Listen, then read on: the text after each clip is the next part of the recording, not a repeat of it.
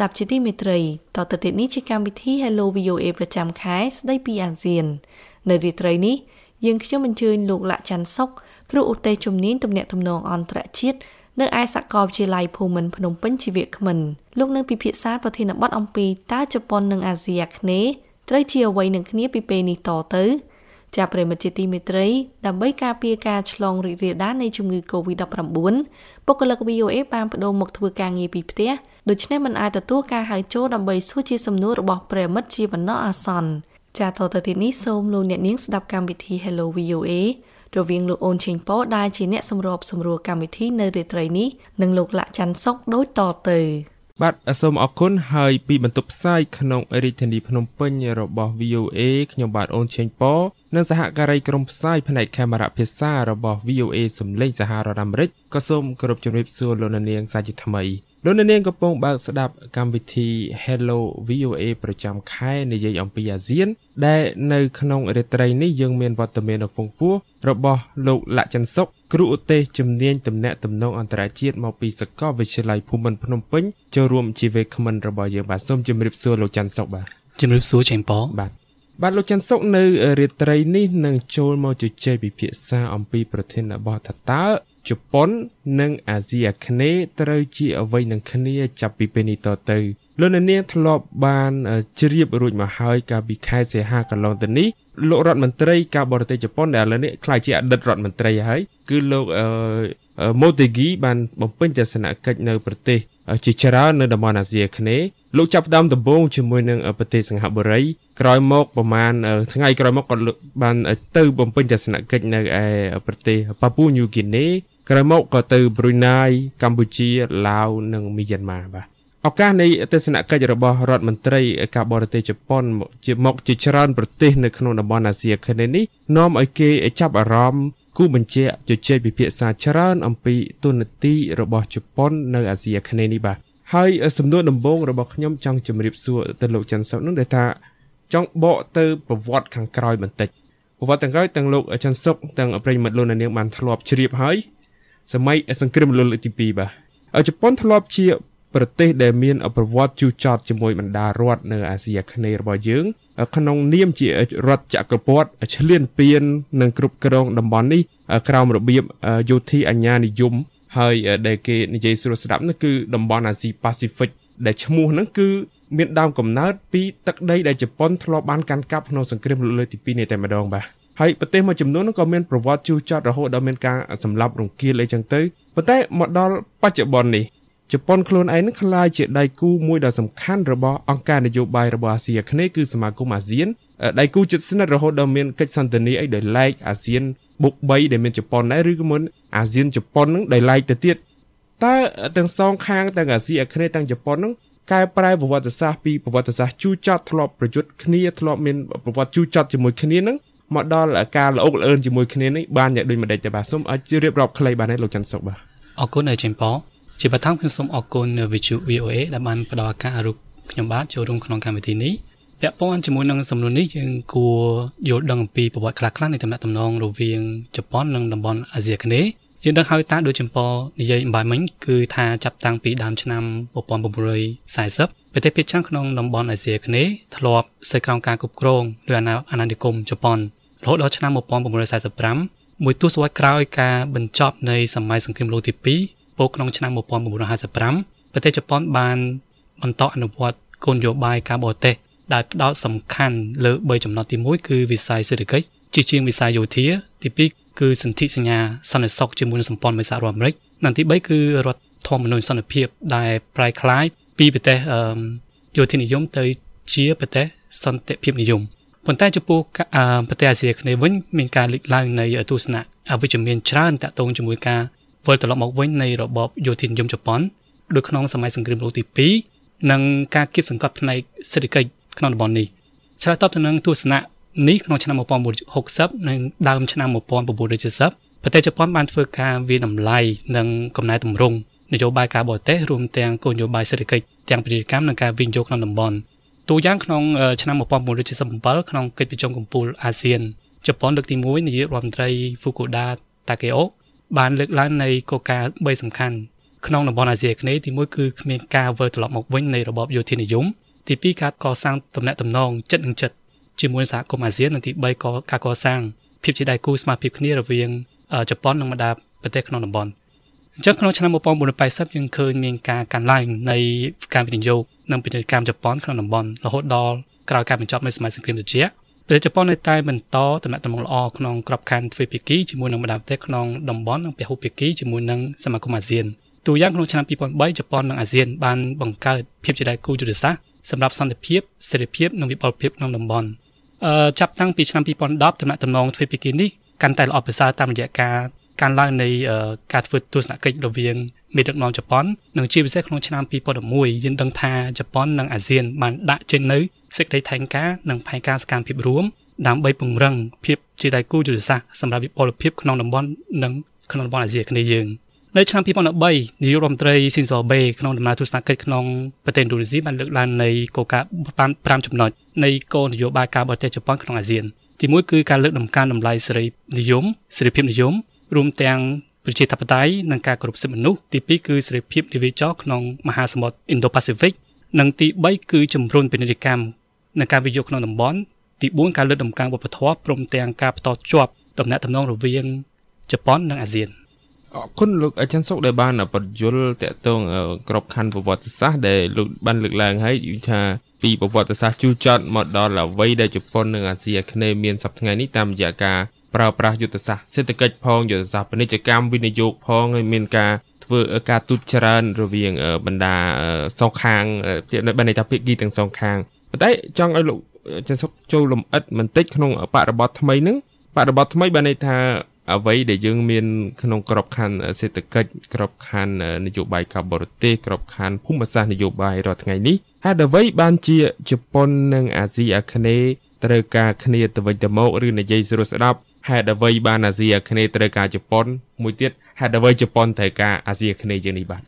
អរគុណជិមប៉អញ្ចឹងស្ថិតក្នុងបរិបទថ្មីនេះប្រកាសថាជប៉ុននិងតំបន់អាស៊ីអាគ្នេយ៍កាន់តែត្រូវការគ្នាទៅវិញទៅមកចំពោះប្រទេសជប៉ុនឆ្លើយតបនឹងការជាប់គាំងសេដ្ឋកិច្ចនិងការថយចុះនៃចំនួនប្រជាជនតំបន់អាស៊ីអាគ្នេយ៍ពិតណាស់មានសារៈសំខាន់ទាំងសេដ្ឋកិច្ចសន្តិសុខនិងភូមិសាស្ត្រនយោបាយក្នុងវិស័យសេដ្ឋកិច្ចតំបន់អាស៊ីអាគ្នេយ៍ជាទីផ្សារសំខាន់ដែលមានប្រជាជនច្រើនជាង650លាននាក់ និងផលិតផលក្នុងស្រុកសរុបយ៉ាងហៅថា GDP ច្រើនជាង3 trillion ដុល្លារអាមេរិកនិងមានប្រជាជនដែលមានចំនួនមធ្យមលើសពី350លាននាក់ក្នុងទិដ្ឋភាពភូមិសាស្ត្រនយោបាយវិញតំបន់នេះជាស្នូលនៃមហាសមុទ្រប៉ាស៊ីហ្វិកនិងមហាសមុទ្រឥណ្ឌាដែលតបចោះជប៉ុនទៅតំបន់ផ្សេងៗរួមមានតំបន់អាស៊ីអាគ្នេយ៍តំបន់អាស៊ីខាងត្បូងមជ្ឈមបូព៌ាទ្វីបអូសេអានីទ្វីបអាហ្វ្រិកនិងទ្វីបអឺរ៉ុបពាណិជ្ជកម្មតាមផ្លូវសមុទ្រមានសារៈសំខាន់ណាស់សម្រាប់ប្រទេសក្នុងតំបន់អាស៊ីចុងបូព៌ារួមទាំងប្រទេសជប៉ុន ឧទាហរណ៍ការនាំចូលចំណីអាហារប្រហែលជា60%និងការផ្គត់ផ្គង់ប្រេងកាតអូស្មန်ធម្មជាតិនិងធ្យូងថ្មច្រើនជាង90%អញ្ចឹងស្មើនឹងប្រហែលជា85%នៃធម្មពលសរុបក្នុងប្រទេសជប៉ុនគឺធ្វើឡើងទៅតាមផ្លូវសមុទ្រដូច្នេះហើយសេរីភាពនិវាចរក្នុងតំបន់ Indo-Pacific រួមទាំងសមុទ្រចិនខាងត្បូងគឺពិតជាមានសារៈសំខាន់សម្រាប់ប្រទេសជប៉ុនដែលលោកអាបេសង្កត់លើ3ចំណុចក្នុងសន្និសីទការអភិវឌ្ឍទ្វីបអាហ្វ្រិកក្នុងឆ្នាំ2016 ចំណុចទី1គឺសេរីភាពនិងការបើកចំហក្នុងតំបន់ Indo-Pacific ចំណុចទី2ការតជាប់រវាងទ្វីបអាស៊ីនិងទ្វីបអាហ្វ្រិកនិងទី3ការគោរពច្បាប់សេរីភាពនិងទីសាសេរីក្នុងសន្តិភាពសកលសេរីនិយមក្នុងទស្សនវិជ្ជានយោបាយវិញការចូលរួមយ៉ាងសកម្មក្នុងតំបន់ទាំងក្របខ័ណ្ឌទ្វេភាគីនិងពហុភាគីពិតជាមានសារៈសំខាន់ក្នុងការកាត់បន្ថយឥទ្ធិពលនិងហិច្ចតាចិនតាមផ្លូវសុសមុទ្រចំពោះប្រទេសក្នុងតំបន់អាស៊ីអាគ្នេយ៍វិញប្រទេសជប៉ុននៅតែជាប្រទេសដែលមាន ដែលផ្ដល់ផលប្រយោជន៍ច្រើនក្នុងវិស័យសេដ្ឋកិច្ចសង្គមវប្បធម៌សន្តិសុខនិងការទូតទំហំសេដ្ឋកិច្ចជប៉ុននិងអាស៊ានមានច្រើនជាង200ពាន់លានដុល្លារក្នុងឆ្នាំ2019បើយើងផ្អែកទៅលើភាពជាដៃគូសេដ្ឋកិច្ចយុទ្ធសាស្ត្រនិងគ្រប់ជ្រុងជ្រោយរវាងជប៉ុននិងអាស៊ានជំនួយ ODA របស់ជប៉ុនយើងឃើញថាគឺភាគច្រើនទៅលើគម្រោងផ្ដោតទៅលើការកសាងនិងការតបជាប់នៅហេដ្ឋារចនាសម្ព័ន្ធរូបវ័ន្តគម្រោងអភិវឌ្ឍជប៉ុនច្រើនជាងគម្រោងអភិវឌ្ឍចិនរហូតដល់1.5ដង នៅក្នុងឆ្នាំ2020នេះរដ្ឋមន្ត្រីក្រសួងរដ្ឋមន្ត្រីការបរទេសជប៉ុនលោក Toshimitsu Motegi ក្នុងដំណើរទស្សនកិច្ចមកតំបន់អាស៊ីអាគ្នេយ៍ក៏បានសង្កត់ធ្ងន់ទៅលើថវិការហូតដល់3000លានដុល្លារសម្រាប់គម្រោងអភិវឌ្ឍជប៉ុនក្នុងតំបន់ក្នុងឆ្នាំសម្រាប់ឆ្នាំ2020ដល់ឆ្នាំ2022ស្ថិតក្នុងស្ថានភាពតានតឹងរវាងអាមេរិកនិងចិនប្រទេសភាគច្រើនក្នុងអាស៊ានតែភាគច្រើនគឺជាប្រទេសតូច គឺចង់មិនចង់តែតែជ្រើសរើសរវាងមហាអំណាចទាំងពីរបើសិនជាយកតាមការសិក្សាឬក៏ការការស្ទង់មតិរបស់មជ្ឈមណ្ឌលសិក្សាអាស៊ានរបស់ ICAS ក្នុងឆ្នាំ2020យើងឃើញថាអាស៊ានត្រូវបានបែងចែកជាពីរប្រហែលជា52%នៃការស្ទង់មតិនេះថាប្រទេសអាស៊ានចាប់ដៃជាមួយនឹងអាមេរិកហើយប្រទេសភាគច្រើនក្នុងតំបន់អាស៊ីអាគ្នេយ៍លើកលែងតែប្រទេសវៀតណាមប្រទេសហ្វីលីពីននិងប្រទេសសង្ហបុរីមានទំនោរទៅរកប្រទេសចិនរបាយការណ៍នេះលោក52%នោះបានន័យថា អឺ52%នៃអ្នកដែលបាននិយាយហ្នឹងចង់ឲ្យមានទំនាក់ទំនងល្អជាមួយសហរដ្ឋអាមេរិកឬក៏យ៉ាងម៉េចដែរបាទបាទហ្នឹងឯងគាត់គាត់ចង់ឲ្យអាស៊ានគឺមានទំនាក់ទំនងល្អជាមួយអាមេរិកបាទតែដូចថាមានមានភាគច្រើនដែលចង់ឲ្យមានទំនាក់ទំនងល្អជាមួយចិនអញមានប្រមាណភាគរយដែរហើយជាទូទៅគឺមានច្រើនជាងមានច្រើនជាង50ច្រើនជាងសហរដ្ឋអាមេរិកនឹងច្រើនជាងសហរដ្ឋអាមេរិកប៉ុន្តែតួលេខនេះគឺចង់បង្ហាញទៅលើប្រទេស ចំនួន7លើកលែងតែប្រទេសហ្វីលីពីនប្រទេសវៀតណាមជាមួយប្រទេសសិង្ហបុរីបាទហើយក្នុងរបាយការណ៍នេះដែរខ្ញុំចង់គូបញ្ជាក់ថែថាបង្ហាញពីការកើនឡើងនៃឥទ្ធិពលចិនទាំងនយោបាយយុទ្ធសាស្ត្រនិងសេដ្ឋកិច្ចក្នុងតំបន់ប៉ុន្តែទំនុកចិត្តទៅលើទូនាទីរបស់ចិនក្នុងការពង្រឹងសន្តិភាពស្ថិរភាពនិងវិបលភាពក្នុងតំបន់នៅតែតិចតួចជាងប្រទេសជប៉ុនពោលគឺ60%នៃការស្ទង់មតិនេះយកឃើញថាជប៉ុនគឺជាប្រទេសដែលមានទំនួលខុសត្រូវខ្ពស់និងគោរពច្បាប់ អញ្ចឹងច្បាស់ណាស់យើងនឹងថាដំណាក់តំណងវិជ្ជមាននេះនៅតែបន្តទាំងជប៉ុននិងតំបន់អាស៊ីអាគ្នេយ៍នៅតែត្រូវការគ្នាទៅវិញទៅមកទោះបីជាមានការប្រឈមដាក់គ្នារវាងចិននិងសហរដ្ឋអាមេរិកនិងសម្ព័ន្ធមិត្តសហរដ្ឋអាមេរិកក្នុងក្របខ័ណ្ឌតំបន់និងអនុតំបន់ជាពិសេសក្នុងក្របខ័ណ្ឌដែលយើងឃើញគឺក្នុងមហាតំបន់មហាអនុតំបន់ទន្លេមេគង្គដែលមានការប្រកួតប្រជែងខ្លាំងរវាងចិន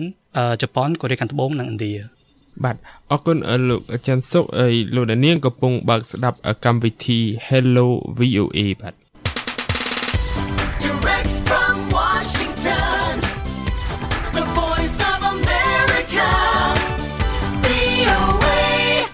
បាទសូមអរគុណអឺលោកចិនសុកបានរៀបរាប់ឲ្យថាជប៉ុនខ្លួនឯងហ្នឹងក៏មានទំនោរចង់ចង់និយាយថាទប់ស្កាត់ការរីកប៉ុន្តែពលិតខ្លួនរបស់ចិនតាមរយៈគេហៅថាផ្លូវសូត្រសមុទ្រសតវត្សទី21របស់ចិនដែលជាកំណត់ព្រួយផ្ដើមនយោបាយការបរទេសចម្បងរបស់លោកប្រធានាធិបតីស៊ីជីនពីងហ្នឹងប៉ុន្តែជប៉ុនខ្លួនឯងហ្នឹងជាសម្ព័ន្ធមិត្តរបស់សហរដ្ឋអាមេរិក យើងមិនអាចជជែកអំពីបញ្ហាអាស៊ាននិងបញ្ហាជប៉ុនដោយលើកចោលនៅការប្រកួតប្រជែងគ្នាយ៉ាងតឹងតែងរវាងសហរដ្ឋអាមេរិកនិងចិនដែលកំពុងបន្តកើតមានក្នុងពេលបច្ចុប្បន្ននេះទេតែក្នុងឋានៈឋានានុក្រមរង្វង់អ្នកដឹកនាំជប៉ុនរយៈពេលចុងក្រោយនេះហាក់បង្ហាញការប្រុងប្រយ័ត្នច្រើនបាទ ជាមួយនឹងគោលនយោបាយការបរទេសរបស់សហរដ្ឋអាមេរិកក្រោមរដ្ឋការលោកត្រាំនឹងដូចយ៉ាងការទូតរបស់ទីក្រុងវ៉ាស៊ីនតោនជាមួយនៅទីក្រុងព្យុងយ៉ាងដែលមានលោកត្រាំលោកគឹមចុងអ៊ុនជួបគ្នានឹងនឹងការសូមពជាពេលដាក់ពង្រាយខែលប្រព័ន្ធការពារមីស៊ីលដែលមានតម្លៃដល់ទៅ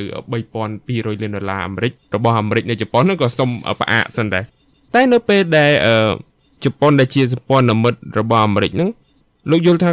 គាត់មានចំហយ៉ាងដូចម្ដេចនៅក្នុងអវ័យដែលគេថា កំពុងឈានទៅរកសង្គ្រាមត្រជាក់បែបថ្មីរវាងអាមេរិកនិងចិនបាទតើជប៉ុនចំហគាត់យ៉ាងដូចម្ដេចគាត់ចូលជាមួយអាមេរិកដើម្បីប្រឆាំងចិនឬក៏គាត់ចាក់ខ្សែឬក៏គាត់ចាប់ជាមួយបណ្ដាប្រទេសអំណាចមធ្យមអីផ្សេងទៀតដើម្បី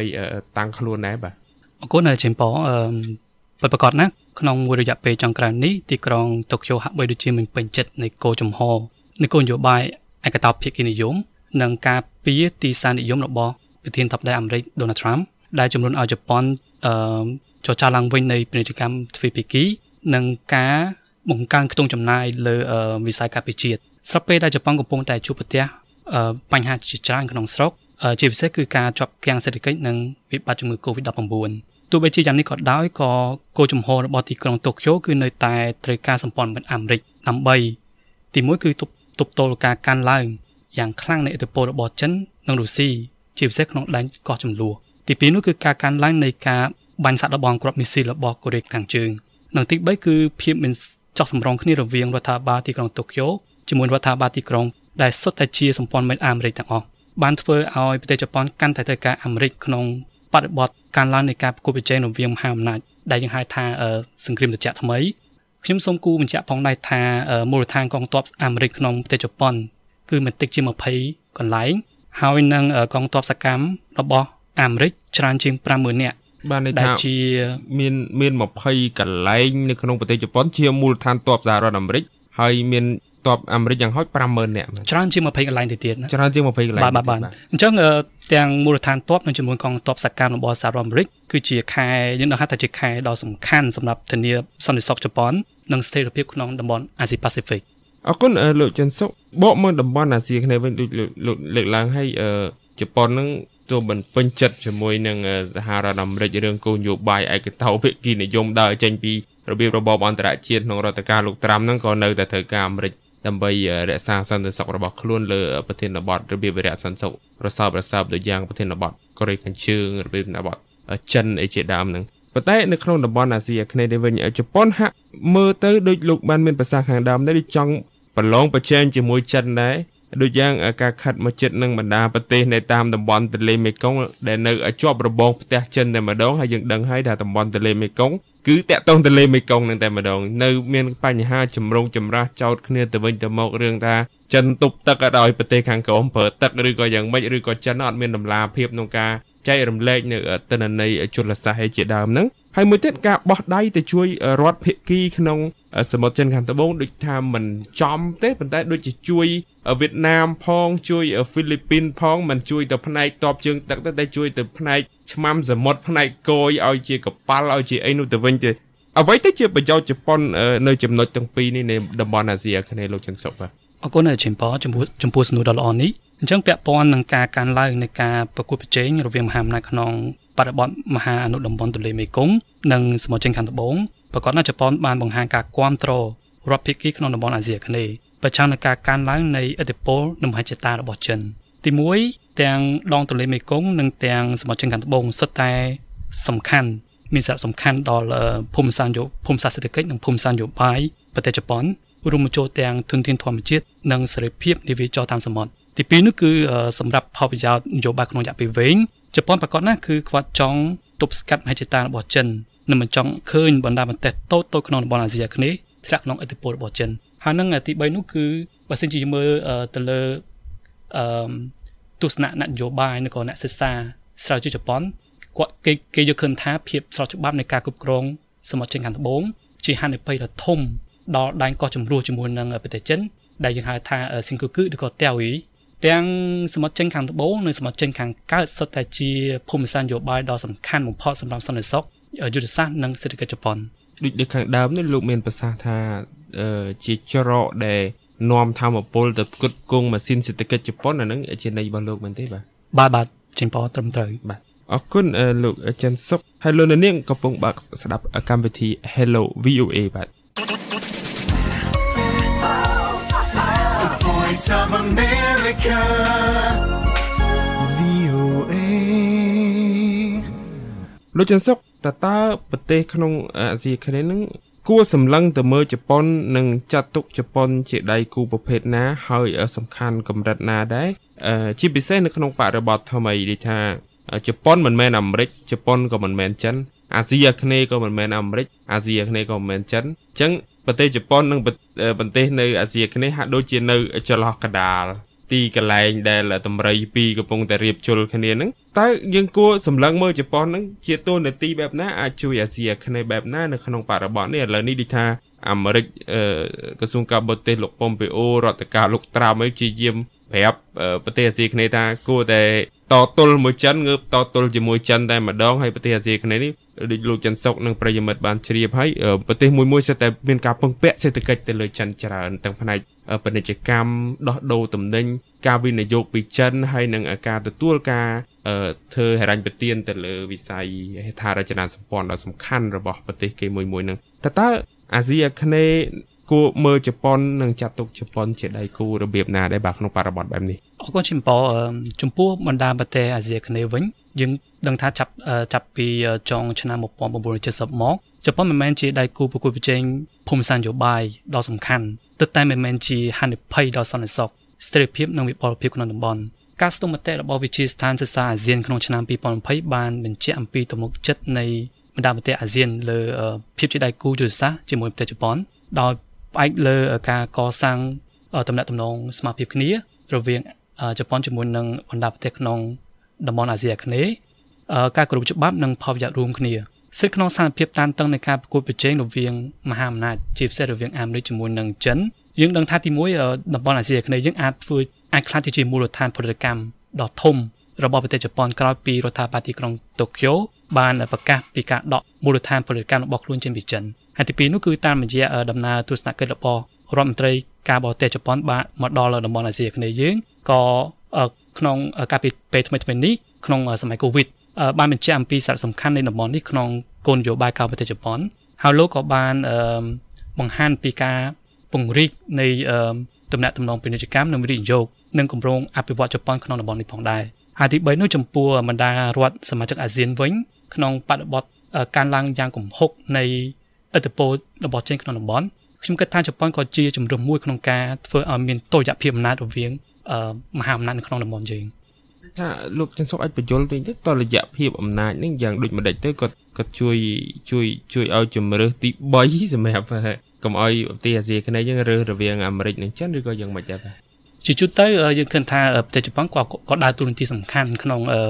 របបនយោបាយនៅក្នុងតំបន់អាស៊ីអាគ្នេយ៍របស់យើងផងដែរអញ្ចឹងចិនជប៉ុនគឺមិនចង់ឃើញចិនគឺគាត់មានទំពោខ្លាំងនៅក្នុងតំបន់អាស៊ីអាគ្នេយ៍អាស៊ីអាគ្នេយ៍នោះទេអញ្ចឹងដូចតែខ្ញុំបកស្រាយបានមិញនេះគឺថាជប៉ុនក៏ដើរតួនាទីសំខាន់ផងដែរជាមួយនឹងសហរដ្ឋអាមេរិកនិងសម្ព័ន្ធមិត្តយោធារបស់សហរដ្ឋអាមេរិកក្នុងការបង្កើននិងមានតុល្យភាពអំណាចជាមួយនឹងប្រទេសចិនតែគាត់ត្រូវការទប់អាមេរិកទេដូចថាអាមេរិករៀងអងអាត់រឿង ឯកតោភាគីនិយមដកខ្លួនពីនេះពីនោះគាត់គាត់អាចជាមហាអំណាចមួយដែលជួយទប់ឬក៏អាចជួយដាស់តឿនអាមេរិកអីពីក្រៅខ្នងនេះប្រហែលជាមិនអាចទេណាព្រោះអីដែរបាទដោយសារតែយើងឃើញថាជាទូទៅប្រទេសជប៉ុនគាត់ត្រូវការជាការការពារឬក៏ជាឆន្ទៈនយោបាយរបស់សហរដ្ឋអាមេរិកក្នុងការការពារសន្តិសុខរបស់ប្រទេសជប៉ុនអញ្ចឹងជាទូទៅយើងឃើញថាមានការមានការជជែកគ្នាអំពីទូនទីរបស់ប្រទេសជប៉ុនក្នុង តំបន់អ្នកខ្លះគាត់គិតថាជប៉ុនគឺជាគ្រាន់តែជាកូនអុករបស់សហរដ្ឋអាមេរិកអញ្ចឹងដើរទៅតាមគោលនយោបាយរបស់សហរដ្ឋតែប៉ុណ្ណោះអ្នកខ្លះទៀតក៏គាត់ថាជប៉ុនក៏គាត់មានទួនាទីសំខាន់ផងដែរនៅក្នុងការការទប់ស្កាត់ឥទ្ធិពលរបស់ចិនក្នុងតំបន់យើងអញ្ចឹងយើងឃើញថាបើសិនយើងប្រៀបធៀបជាមួយមតិពេលនេះយើងឃើញថាអឺគឺឆ្លុំចាំងយើងឃើញថាប្រទេសជប៉ុនគឺជាទូទៅគឺ គាត់មិនអាចទប់ស្កាត់ឬក៏គាត់មិនអាចអឺ convince ប្រទេសអាមេរិកឲ្យដើរតាមបន្ទាត់របស់ប្រទេសជប៉ុននោះទេប៉ុន្តែទោះទោះបីជាណាក៏ដោយក៏យើងឃើញថាជប៉ុនក៏គាត់ដើរតួនាទីសំខាន់ក្នុងការកាត់បន្ថយឥទ្ធិពលនិងមហិច្ឆតារបស់ចិនក្នុងតំបន់របស់យើងផងដែរបាទអរគុណលោកចិនសុកជាងសង្ខេបចុងក្រោយយើងបកទៅសំណួរខាងដើមវិញយើងបានជជែកគ្នាលោកចិនសុកក៏បានលើកឡើងពីទូនាទីរបស់ប្រទេសជប៉ុនថាលើកឡើងពីមតិទុយគ្នាផងថាផ្ទុយមិនផ្ទុយផងតើតើថាតើជប៉ុនជាកូនអុកអាមេរិកក្នុងការលេងនយោបាយការបរទេសប្រឆាំងនឹងចិនឬក៏គាត់មានអំណាចឬក៏មានផលប្រយោជន៍គាត់ខ្លួនឯងដូចចាន់សុកថាអាចមានកត្តាទាំងពីរហ្នឹងផងចុងពីអំណះនេះតទៅពីពេលនេះតទៅ ដែលអាមេរិកនិងចិនមើលមុខគ្នាកាន់តែលែងត្រូវគ្នាជប៉ុននិងអាស៊ីអាគ្នេយ៍ត្រូវជាអីអ្វីនឹងគ្នាវិញបាទអរគុណចំពោះសំណួរចុងក្រោយនេះតាមពិតខ្ញុំនៅតែមានទស្សនៈវិជ្ជមានចំពោះតំណែងតំណងទ្វេភាគីរវាងជប៉ុននិងតំបន់អាស៊ីអាគ្នេយ៍ អញ្ចឹងតំណែងតំណងទ្វេភាគីដ៏ល្អនេះនៅតែបន្តតាមរយៈគោលនយោបាយការបរទេសរវាងភាគីទាំងពីរគឺភាគច្រើនគឺផ្ដោតទៅលើការថែរក្សានិងការពង្រីកសន្តិភាពតំបន់ជាពហុនិយមនិងកិច្ចការជំនួយកិច្ចសហប្រតិបត្តិការសេដ្ឋកិច្ចដែលផ្អែកទៅលើតម្លៃសេរីនិយម ការគោរពច្បាប់ការគោរពអធិបតេយ្យភាពនិងបុណ្យភាពដែនដីភាពជាដៃគូស្មារតីគ្នានិងផលប្រយោជន៍រួមសូមអរគុណចង់ថែម ក្រោយតិចទៀតលោកអចិន្សុកដោយសារតែលោកបានលើកឡើងទួនាទីរបស់ប្រទេសជប៉ុនតែយើងដឹងហើយប្រទេសជប៉ុនទើបនឹងដូរឋានៈដឹកនាំរដ្ឋាភិបាលរុះរើគណៈរដ្ឋមន្ត្រីដែលលោកអាបេដែលជាបរិះខ្លាំងហ្នឹងបានលេលែងពីតំណែងដោយសារបញ្ហាសុខភាពហើយជំនួសមកវិញដោយលោក Suga ដែលជារដ្ឋមន្ត្រីទទួលបន្ទុកទីស្តីការរបស់គាត់នយោបាយការបរទេសអាចមានការប្រែប្រួលខ្លាំងទេបាទសូមចុងក្រោយបាទអឺតាមពិតទៅ ការឡើងកាន់តំណែងរបស់លោកស៊ូកាគឺនៅថ្មីយើងដឹងថានៅថ្ងៃទី16ខែកញ្ញាអញ្ចឹងមកដល់ពេលនេះគឺមានរយៈពេលប្រហែលជា13ថ្ងៃអញ្ចឹងពិបាកក្នុងការទូទាយថាតាបន្ទាត់របស់បន្ទាត់គោលនយោបាយការប្រទេសរបស់លោកស៊ូកាគឺទៅទៅទៅយ៉ាងណាប៉ុន្តែបើសិនជាតាមផ្អែកលើតាមការបកស្រាយឬក៏តាមការវិភាគរបស់អ្នកសិក្សាមួយចំនួនគឺយល់ឃើញថាលោកស៊ូកានឹងគាត់បន្តអឺគោលនយោបាយសំខាន់សំខាន់របស់លោកអាបេ ដោយសារតែទីមួយគឺគាត់អឺគាត់គឺជាមនុស្សចំណេញរបស់អាបេតាំងពីឆ្នាំ2006បន្តមកទៀតគឺចាប់ពីឆ្នាំ2012អញ្ចឹងខ្ញុំជឿជាក់ថាលោកស៊ូកាគឺនៅតែបន្តគោលនយោបាយការបរទេសរបស់អាបេនៅក្នុងតំបន់អាស៊ីអាគ្នេយ៍យើងបាទបាទសូមអរគុណលោកច័ន្ទសុកមែនទែនដែលបានចូលរួមផ្ដល់កិច្ចសម្ភារ